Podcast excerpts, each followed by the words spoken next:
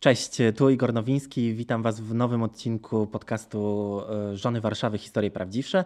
A dzisiaj moją gościnią jest Monika Żochowska, królowa branży kosmetycznej. Moniko, dzień dobry. Dzień dobry, witam Was serdecznie.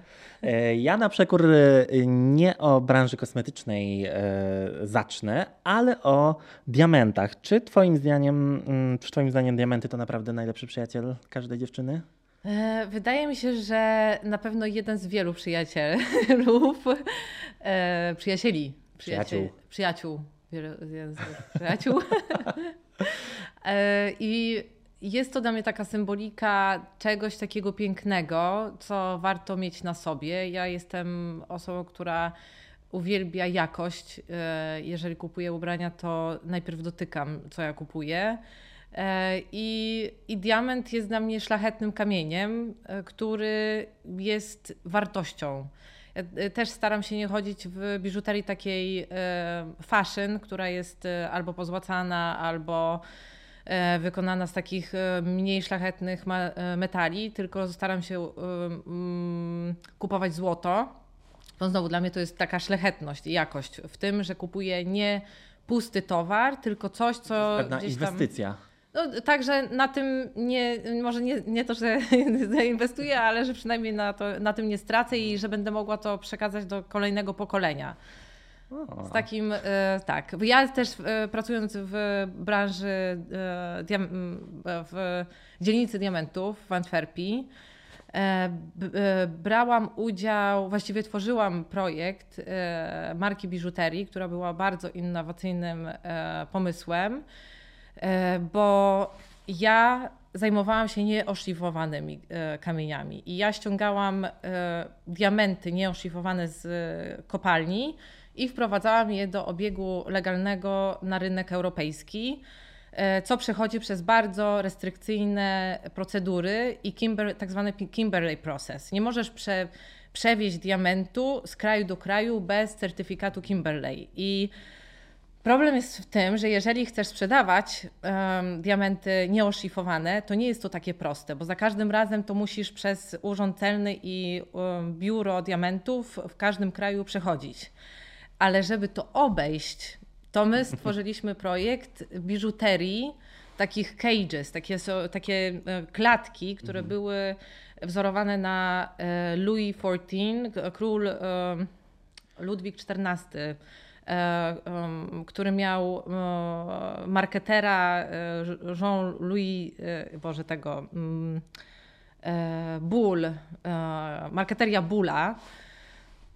No i, no i tak, my, my jak już zamkniesz to w biżuterię, to mhm. możesz to spokojnie przewieźć i to był taki koncept, że dajesz komuś nieoszlifowany diament i ro, te, ten diament z tobą dojrzewa do momentu, kiedy ty wiesz, do, do, do czego ty chcesz go oszlifować.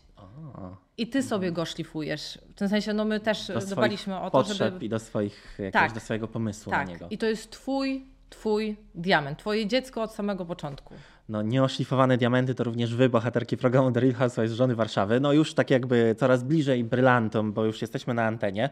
E, ale zacząłem od e, przyjaźni nieprzypadkowo, no bo ty w programie występujesz z Sarą Koślińską, z którą od kilkunastu lat e, znacie się i przyjaźnicie. I e, powiedz mi, fajnie było mieć takie wsparcie obok siebie? Wydaje mi się, że nie wzięłabym udziału w tym projekcie, gdyby nie Sara. Sara mnie ściągnęła do tego projektu. E, Sara też, gdyby nie ja, to też w tym by nie wzięła udziału. Transakcja wiązana nastąpiła. tak, i no, od początku traktowałyśmy to jako przygodę. Zresztą najpierw Sara się do mnie zgłosiła i, i jako, nie wiem, chyba starszej koleżanki się chciała podpytać, czy e, dostała taką propozycję i nie wiem, Nie dużo starszej, nie dużo starszej. Nie dużo starszej, ale trochę, no tak, e, mądrzejszej. nie, no żartuję sobie trochę. E, tak, ale no, na pewno jest to bardzo duże wsparcie, że my się znamy, że od samego początku miałyśmy takie flow, że mogłyśmy sobie pozwolić na dużo więcej niż inne uczestniczki, rozmawiając na temat, co my obserwujemy i swobodnie się przy tym mhm. czułyśmy. E, różnie to nam później e, to wyszło. E, Jak mogą się widzowie przekonać. tak. No bo właśnie, no bo w programie nie brakuje ostrych dyskusji, takich mocnych momentów. I jak to się odbiło na tej waszej przyjaźni? Czy to ją wzmocniło, czy... No bo był taki moment, który gdzieś tam troszeczkę ta znajomość na małej może szali. Oj, była na dużej szali. To było naprawdę, to było, i to było prawdziwe. To było, ja byłam naprawdę wkurzona na Sarę, Sara była na mnie. E, wydaje mi się, że też my miałyśmy przez te ostatnie, my się znamy rzeczywiście 12 lat, ale to było tak e, dość e, płytka znajomość, gdzie my widujemy się w tych samych kręgach, Mhm, mamy mhm. tę samą pulę znajomych, robimy podobne rzeczy. Em, I widujemy się raz na jakiś czas, ale nigdy to nie była taka bardzo bliska i zażyła znajomość. Ja Sarę sobie bardzo cenię i ona jest fantastyczną dziewczyną.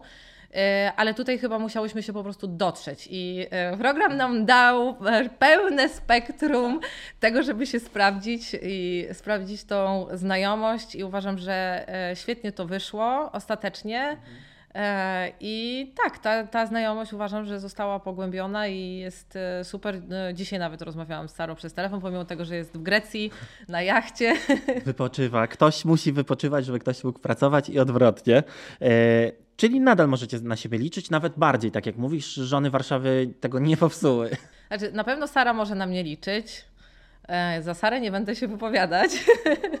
Mam nadzieję, że mogę na nią liczyć, ale nie.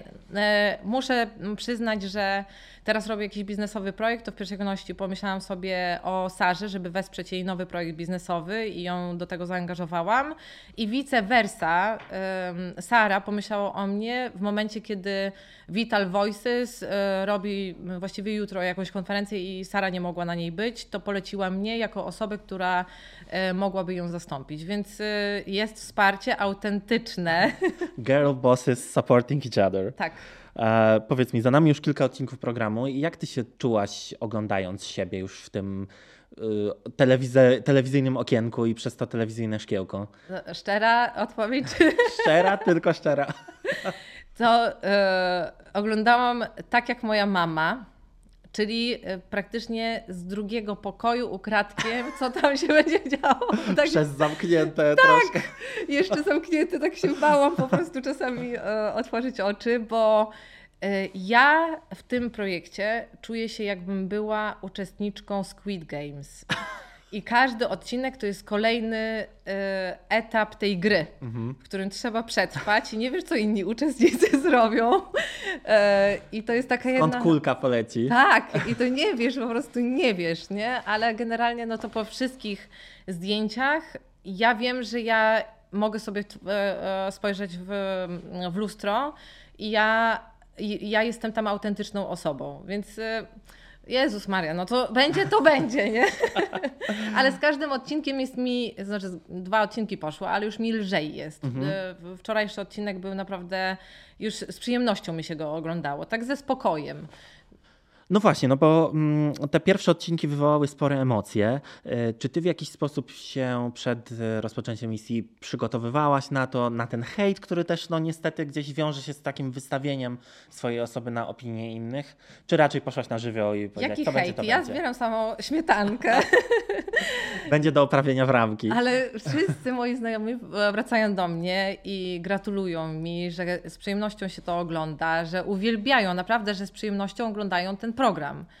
I jest to takie budujące i wzmacniające, że wzięłam udział w naprawdę fajnym projekcie. No właśnie, no bo to chyba te recenzje osób, e, na których zdaniu nam zależy, powinny się liczyć, a nie to, co ktoś No tam... tak, tak jak Monia powiedziała, druga. E, nie jestem zupą pomidorową e, i rzeczywiście no to każdy ma swojego jakiegoś tam fana i odbiorcę i najważniejsze, żeby być zgodnym po prostu ze sobą. E, Od samego początku iskrzyło między tobą a Basią. I ty, jak teraz tak sobie patrzysz na to właśnie już z, perspektywy kanapy albo z drugiego pokoju, e, myślisz, że jakoś trochę inaczej byś tę sytuację rozegrała, czy właśnie Nie. tak miało być? Wiesz co, było to niefortunny zbieg okoliczności e, i sytuacja, która wyszła niefortunnie na samym początku i nie wyłapały tego kamery, natomiast było to dla mnie takie kurde, my przecież się nie znamy i dostaję od dziewczyny, która niby tutaj, znaczy w ogóle jest osobą poważną, jest lekarzem, doktorem, prowadzi bardzo duży i, i, i, fantastyczny biznes.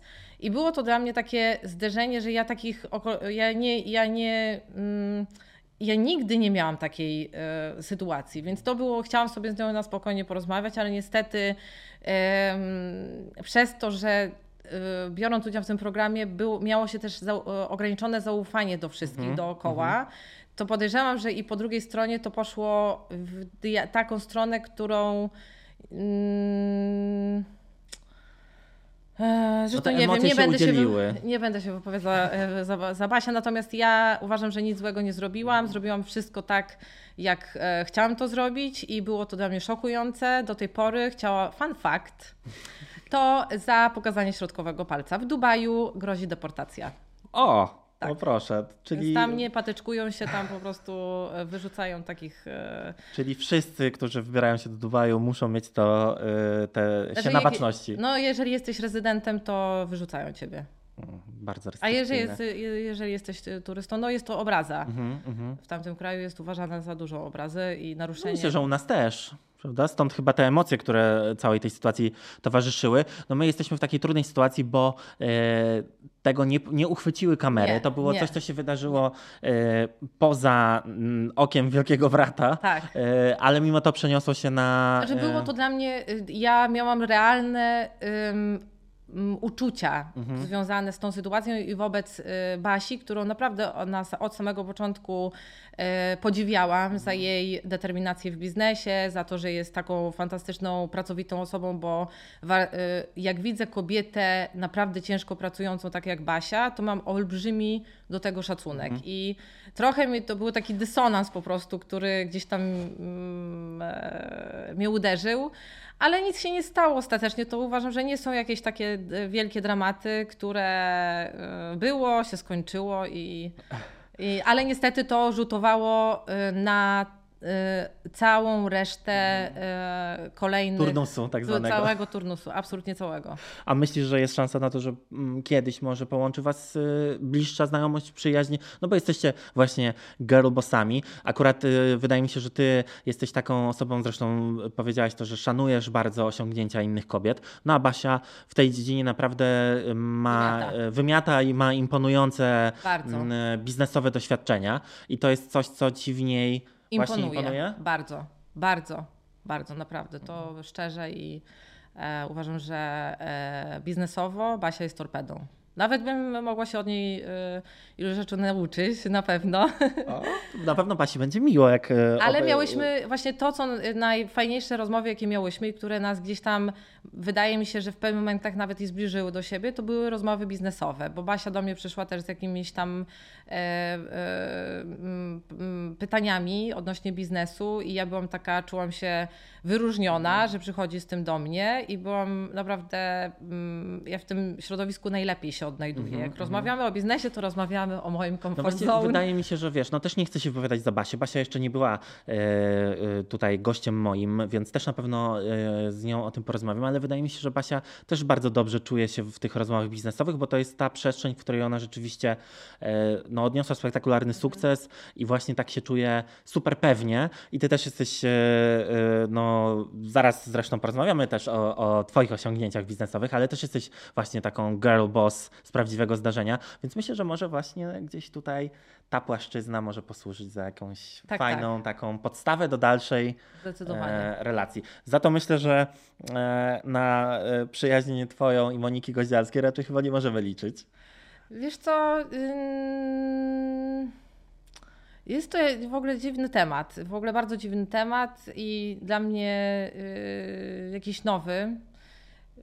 Może dlatego, że ja nigdy nie. Ja w ogóle o Monice dowiedzia, dowiedziałam się o jej istnieniu yy, z kolacji. W tym sensie o, ja ją pierwszy raz zobaczyłam na kolacji. Ja pierwszy raz usłyszałam o tym, że jest taka, istnieje taka osoba. Zresztą ja na e, kamerach to jej powiedział, who the fuck you are, bo ja nie wiedziałam z kim e, mam do czynienia. I I, i, i yy, znaczy scenariusz scenariuszem i w ogóle jak to wszystko poszło dalej, no to wszyscy się dowiemy. Wszyscy się dowiedzą.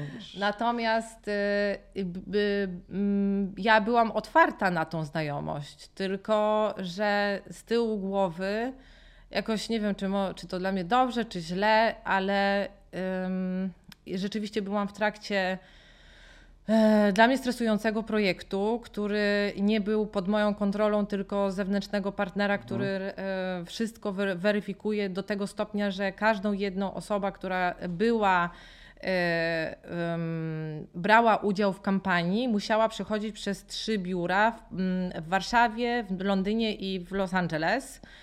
I y, ja byłam jedną z twarzy tego, tej kampanii i było ryzyko takie, że przeniesie się y, to wszystko, to co się dzieje y, w projekcie, który znowu ja prywatnie sobie gdzieś tam dla chęci przeżycia przygody mhm. biorę udział. Przeniesie się to na biznes, biznes i dlatego gdzieś tam musiałam zaczerpnąć opinii zewnętrznej, która mhm była jaka była, e, ale mimo wszystko, pomimo tych e, zewnętrznych opinii, nadal chciałam ją bliżej poznać, e, ale im dalej szłam w las, tym bardziej niekomfortowo się z tym czułam. Jakoś to nie jest mój klimat, ale to nie oznacza, że nie wiem, Monia jest jakoś okrutną, e, nie wiadomo jaką osobą. Może i jest, nie wiem, to się dowiemy, bo nie wiem, co tam jeszcze się wydarzy. Ja wszystkiego nie wiem, tak jak mówię, Squid Games. E, ale e, szkoda, że to tak się potoczyło. No w tym sensie, że no, jest co jest.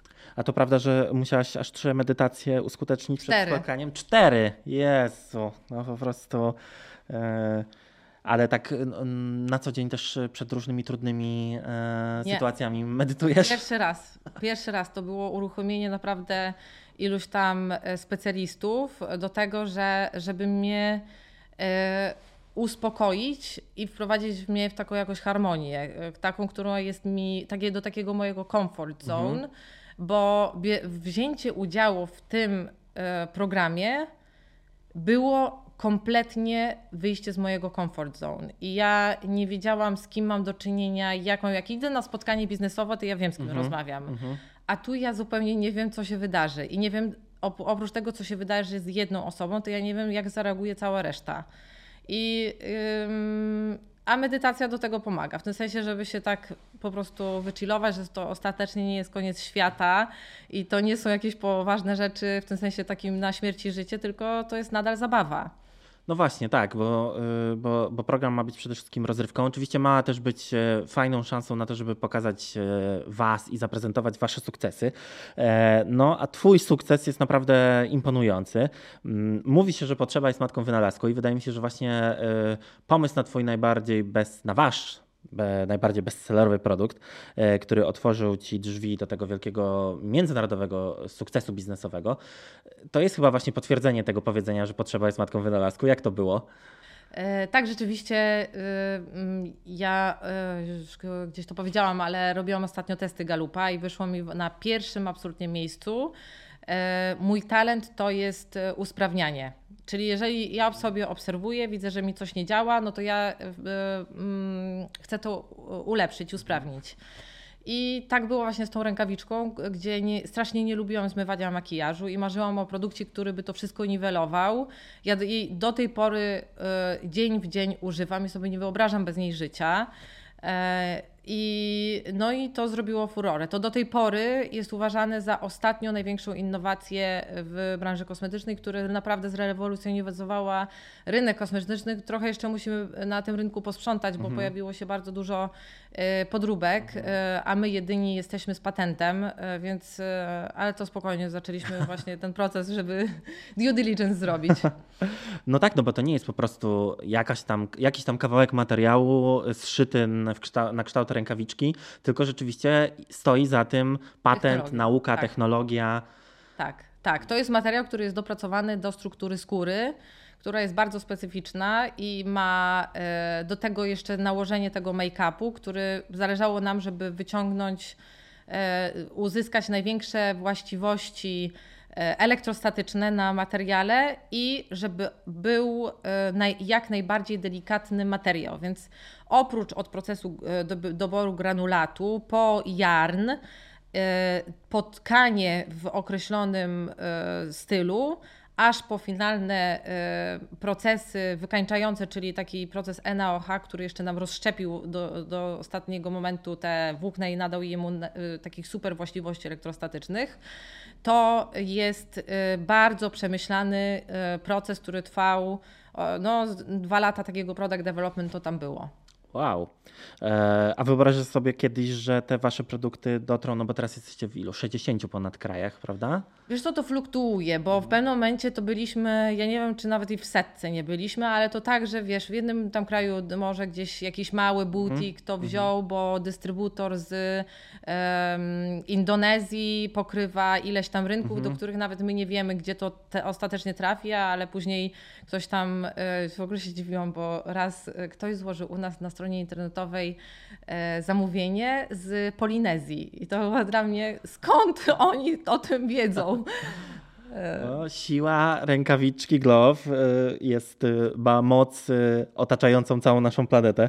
E, No ale czy to był zawsze taki e, twój plan, który konsekwentnie realizowałeś ze swoją wspólniczką, że po prostu ta global Tak. domination, czy raczej szczęśliwy to, traf? to raczej było wyjście najpierw na- za granicę i dopiero później w Polsce zaistniałyśmy. Zresztą nasze e, 80% obrotu to jest eksport i my w Polsce wydajemy cztery razy więcej pieniędzy niż na polskim rynku zarabiamy. My ściągamy kapitał do Polski i tutaj wydajemy.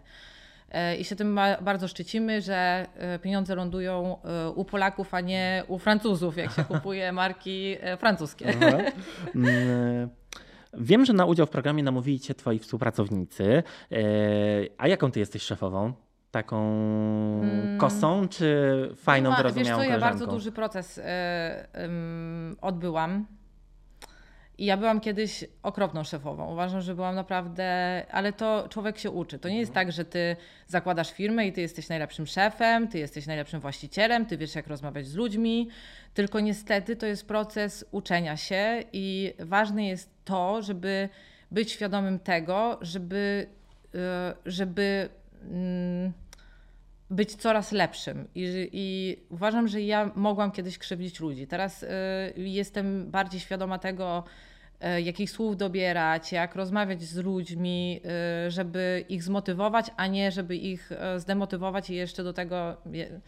Więc, y, no ale w tym y, całym procesie bardzo duży wkład miał e, Center for Leadership Academy, którego jestem e, e, zaszczytną członkinią of Alumni Network i to, co zrobił ze mną Lab, to było po prostu niesamo... To naprawdę poukładało mi bardzo dużo w głowie. To właśnie nawiązując do tego, co się wydarzy też i e, w programie, nawiązuje do tego wątku, że był taki okres jakieś tam 6-7 lat temu, gdzie e, był to taki turnover mojego życia, gdzie zdałam sobie sprawę, że jednak trzeba sobie, jeżeli chcę iść do przodu i zbudować naprawdę gigantyczną, olbrzymią firmę, do której e, aspirujemy cały czas, to e, głowa tego przedsięwzięcia musi mieć poukładane w głowie i musi mieć po prostu spokój i harmonię. I dlatego właśnie to, ten cały proces jakoś tam uważam, że mnie doprowadził do dużo lepszego momentu, w którym teraz e, czuję się bardziej komfortowo. A myślisz, że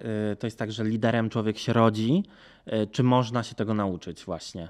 Jak, jak zarządzać, y, jak, jak porywać ludzi, żeby właśnie szli za różnymi szalonymi pomysłami i projektami, w które może nie do końca się na początku wierzy. To wydaje mi się, że jest to ym, na pewno dużo pomaga pierwsze lat y, życia i to, jakich wartości najbliżsi tobie nawkładają.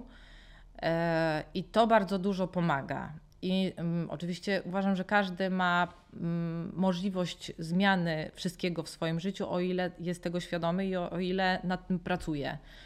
E, I, i, I można wszystko zmienić, tylko trzeba chęci i ciężkiej pracy.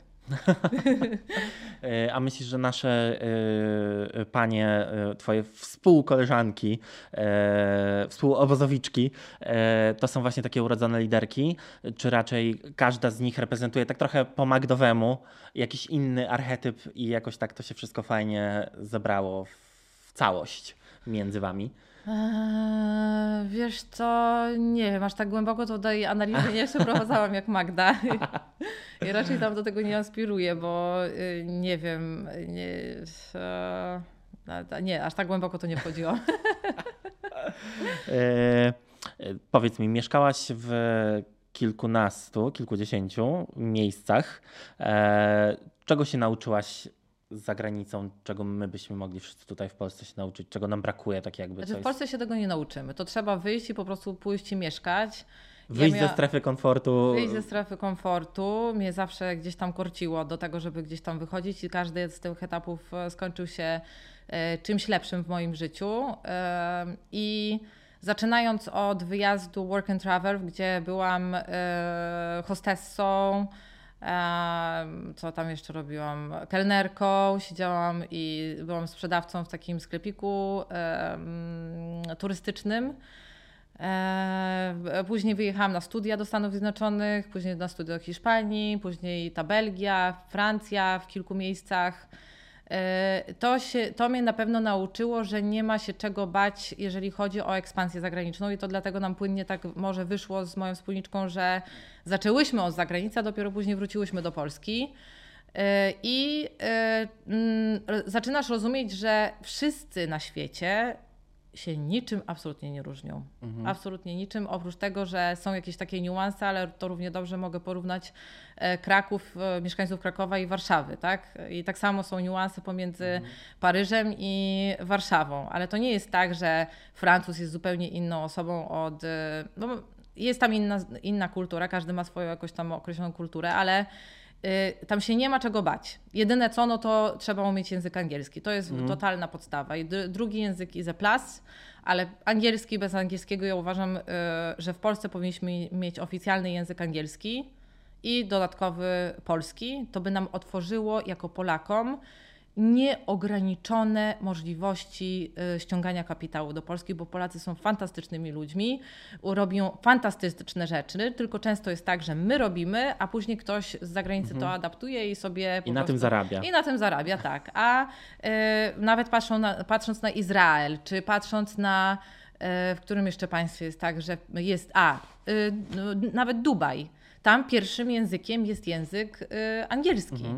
A dodatkowym jest język y, lokalny, taki, że jest poszanowanie do lokalnej kultury, ale ten angielski daje nam możliwość wyjścia na cały świat. No tak, i zrównuje nas właśnie z resztą. A powiedz mi, e, ty ze swoją wspólniczką najpierw się przyjaźniłyście, najpierw się poznałyście na stopie prywatnej, a potem dopiero założyłyście razem biznes. Czy to jest, e, no bo często się mówi, że tak jakby z rodziną najlepiej na zdjęciu, od przyjaciół to lepiej nie pożyczać pieniędzy, bo to wszystko psuje. A jak to jest z biznesem, w- z robieniem biznesu z osobą bliską? Eee, z bliską, ale też i tak e, w tym sensie, no my jesteśmy po szkole biznesowej, więc chyba każda z nas miała e, to samo nakł- nakład- nakładzione do głowy. My też obie jesteśmy z małych miejscowości. Mamy mm, podobny e, wa- system wartości rodzinnych i to chyba bardzo dużo to pomogło. No, ale to nie jest tak kolorowo. W tym sensie to nie jest tak, że się e, robi biznes. Z, Lecicie sobie warkocze. I to jest, jak moja e, wspólniczka Ewa mówi, że to jest e, rozwój przez konflikt. I ta, tam to można by było od, do, grube odcinki. O, to, to pomysł na drugi sezon tak. już mamy. E, no ale mimo wszystko ten konflikt, nawet jeżeli jest, no to udaje się go szybko zażegnać, bo jednak y, mm, posuwacie się do przodu i firma się rozwija i realizujecie właśnie, tak jak mówisz, różne projekty na międzynarodową skalę, które wymagają też różnych e, mm, od ciebie e, no, takiej uważności. A powiedz mi, czy dla ciebie udział w programie naszym, czyli The Real Housewives, to też była taka biznesowa inwestycja? Jakiś taki pomysł na to, żeby właśnie gdzieś e, u, u, u y, ludziom pokazać, że ty jesteś, że wasza firma jest i co wy robicie i Mam nadzieję, że tak będzie, natomiast y, nie szłam do tego programu z takim zamiarem. W tym sensie w- bardziej bałam się ryzyka, które podejmuję, dlatego oficjalną i ostateczną decyzję podjęła moja firma i razem moja, i moja wspólniczka dała mi zielone światło, nawet mnie e, wypchała wręcz do tego, do paszczy lwa. Ale, y, ale y, y, no mam nadzieję, że więcej ludzi się dowie. To na pewno mm, fajnie by było, ale to nie było pierwszym takim głównym motywatorem. e, a jak ty zarobiłaś swoje pierwsze pieniądze? Ale takie pierwsze, pierwsze, pierwsze, Takie pierwsze, pierwsze, ever, pierwsze, ever, pierwsze. Ale pierwsze takie, że mo, ja, nie no. Bo moim drugim pytaniem jest, na co je wydałaś, więc możesz zdecydować, czy to były takie Nie, pierwsze co, porządne y, pieniądze. Igor, ja, ja pracuję od y, czwartego, piątego roku życia. Ja y, jeździłam z moimi rodzicami, z moimi dziadkami na targi, mając y, na 4-5 lat. Ja sprzedawałam pomidory. Ja wołałam na rynku e, pomidory, pomidory, e, soczyste i tak dalej, żeby tylko się ich pozbyć. W tym sensie, no bo y, mózg dziecka pracuje, że jak szybko wrócę do domu, żeby się z dziećmi pobawić. E, ale ja byłam nauczona bardzo ciężkiej pracy od małego dziecka. I e, no, no, zarobiłam pieniądze w tym sensie, no, e, pracując u rodziców na gospodarstwie.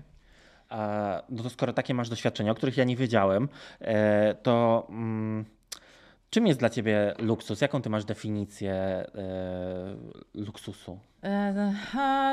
Są różne definicje u mnie luksusu i one się zmieniają. I kiedy nie miałam tego, co mam dzisiaj, to e, moja definicja była to, że ja na przykład miałam taki moment, że jechałam do e, Australii na staż i byli tam znajomi, którzy w końcu się, e, najpierw spotkaliśmy w Melbourne i oni mnie przygarnęli, bo i byliśmy w tym sensie, oni byli w hotelu, bo my w Tasmanii, ostate, ja do Tasmanii leciałam i nocowaliśmy w Hiltonie. I jak się dowiedziałam, że noc tam kosztuje e, 400 zł, to ja sobie myślę, Boże, przecież to są takie wielkie pieniądze. Kogo na to stać? W ogóle to przecież jak to tak można, że tyle się zarabia, że można sobie e, e, zarezerwować e, pokój w Hiltonie. E, no, a teraz e, no, zdarzało mi się bukować hotele, które e, za noc kosztują e, no, 10 tysięcy złotych. To tak było, bywało. To jest success story, po prostu wszystkim życzę y, takich doświadczeń.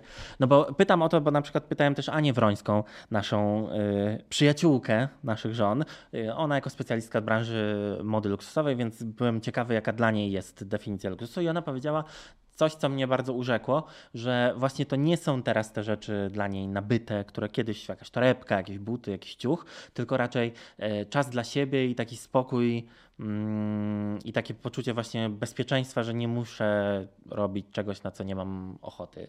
I wydaje mi się, że to też jest taki fajny mm, luksus, do którego też wszyscy powinniśmy dążyć, żeby móc sobie tak Wydaje po mi się, że luksus to jest to, czego się w danym momencie nie ma Aha. i chciałoby się to mieć. W tym sensie, że to jest luksus, do którego się chce dążyć. Mhm. I nie wiem, co. e, Teraz może trochę świętego spokoju mi brakuje. E, a powiedz mi, e, czego mogą się od ciebie nauczyć e, widzowie naszego programu? E, Co, co ty byś mogła im przekazać, albo co byś im chciała przekazać, tak jakby, albo co by oni Mhm. powinni wyciągnąć z, z twojej obecności? Chciałabym, żeby wiedzieli, że jest taka osoba, która pochodzi z, ze wsi, która mając 4-5 lat właśnie stała na tym bazarze i sprzedawała pomidory, a dzisiaj jest osobą, która jest niezależna finansowo, jest kobietą. Doszło do tego absolutnie y, sama. E, oczywiście ze wsparciem bliskich, znajomych e, i, i tu naprawdę było dużo wsparcia. Natomiast to, co mnie cieszy, to zrobiłam wszystko etycznie. W tym sensie to nie było nigdzie momentu, w którym ja dla mnie ja bym mogła ziemniory jeść do samego do końca życia, ale ja mam pewien, e, pewną etykę, która jest absolutnie nieprzekraczalna. Mnie nie można kupić za pieniądze. I y, uważam, że i bywało ciężko. Były takie momenty, że czułam się y, jakimś wyrzutkiem w ogóle totalnym, takim, że kurde, nikt mnie nie chce, bo kończę studia najlepsze w Polsce. Jestem po dwóch stypendiach za granicą, wracam do Polski i nikt mnie nie chce. W tym sensie żaden pies z kulawą nogą nie chciał mnie zatrudnić. No zresztą mówisz w programie o tym, że przed e, założeniem firmy miałaś na koncie 0 złotych, Zero złotych. e, więc to, to jest niesamowicie inspirujące. E, Więc tak, chciałabym, żeby wiedzieli, że da się. A powiedz mi, y, czy ty czegoś się nauczyłaś od naszych pozostałych bohaterek? Coś y, wyciągnęłaś dla siebie z ich doświadczeń?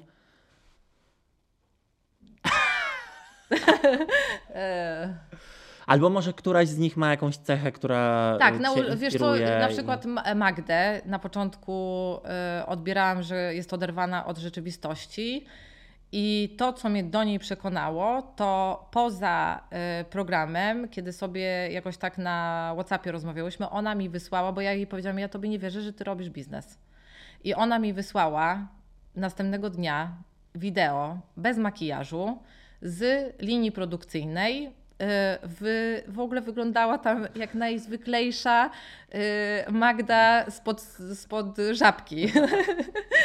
I to mnie tak przekonało, że kurde, to jest naprawdę zajebista, fajna dziewczyna i ona y, naprawdę widać, że ciężko pracuje. Że to, że ona ma taki zbudowany wizerunek i chce się tak pokazywać, jest super. Mhm, To jest też jakaś świadoma jej Tak, ale to, pomysł że, na siebie. ale powiem Ci, że też ym, to, jak y, Magda zareagowała na Monikę y, w tej pierwszej takiej scenie, gdzie Monika ją mocno zaatakowała i Magda była jedyną z nas, która się jej, jej prze, przeciwstawiła, jedyna.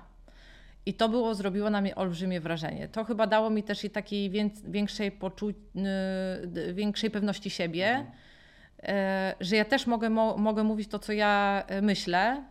I, I to było takie super. To, tego się nauczyłam od Magdy. Na pewno od każdej coś się nauczyłam. A czy czegoś nowego o samej sobie się dowiedziałaś podczas tych bardzo intensywnych y, miesięcy pracy nad programem? Mm, Albo utwierdziłaś się w jakimś przekonaniu? e, nie wiem, może, że mogę być fucking weird and it's okay. It's more than okay. It's more than It's more okay. than okay. To powiedz mi tylko na sam koniec, czy to była fajna przygoda, yy, takie coś, co, co będziesz wspominała mile, mam nadzieję, że oczywiście ta przygoda się nie kończy, jeszcze tutaj odpukać w co puste, proszę Państwa, ale yy, to było coś, co, co, co będziesz wspominała miło i, i jako taki fajny, ciekawy wpis do Twojego bardzo imponującego i długiego CV. E, Dzisiaj powiem Ci, że tak. Ale na ostateczny werdykt tego pytania bym poczekała do koń- końca tego roku, do grudnia. W tym sensie, co się tam dalej będzie działo. Ale zdecydowanie była to bardzo dobra decyzja. Poznałam e, fantastyczne kobiety. E, To, że będą e, pomiędzy, pomiędzy, nami będzie iskrzyło, no to no, będzie iskrzyło, tak? Ale mimo wszystko to mam do nich wielki szacunek.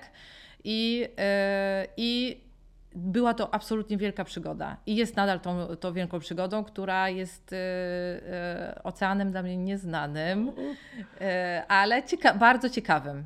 No to ja Ci, Moniko, życzę tylko samych pomyślnych fal na tym nieznanym oceanie i żeby on jednak się okazał przyjazny i, i No, nie skrywający żadnych e, potworów z Loch Ness. A ja mam nadzieję, że będę dryfować i w końcu do, dopłynę do przynajmniej jakiegoś lądu. Do tej Polinezji, żeby zobaczyć, gdzie te, gdzie te Twoje głowy y, się sprzedają na tej Polinezji. Tego Ci życzę. Dziękuję bardzo. Dziękuję Wam bardzo i zapraszam na kolejny odcinek podcastu Żony Warszawy Historie Prawdziwsze. Cześć!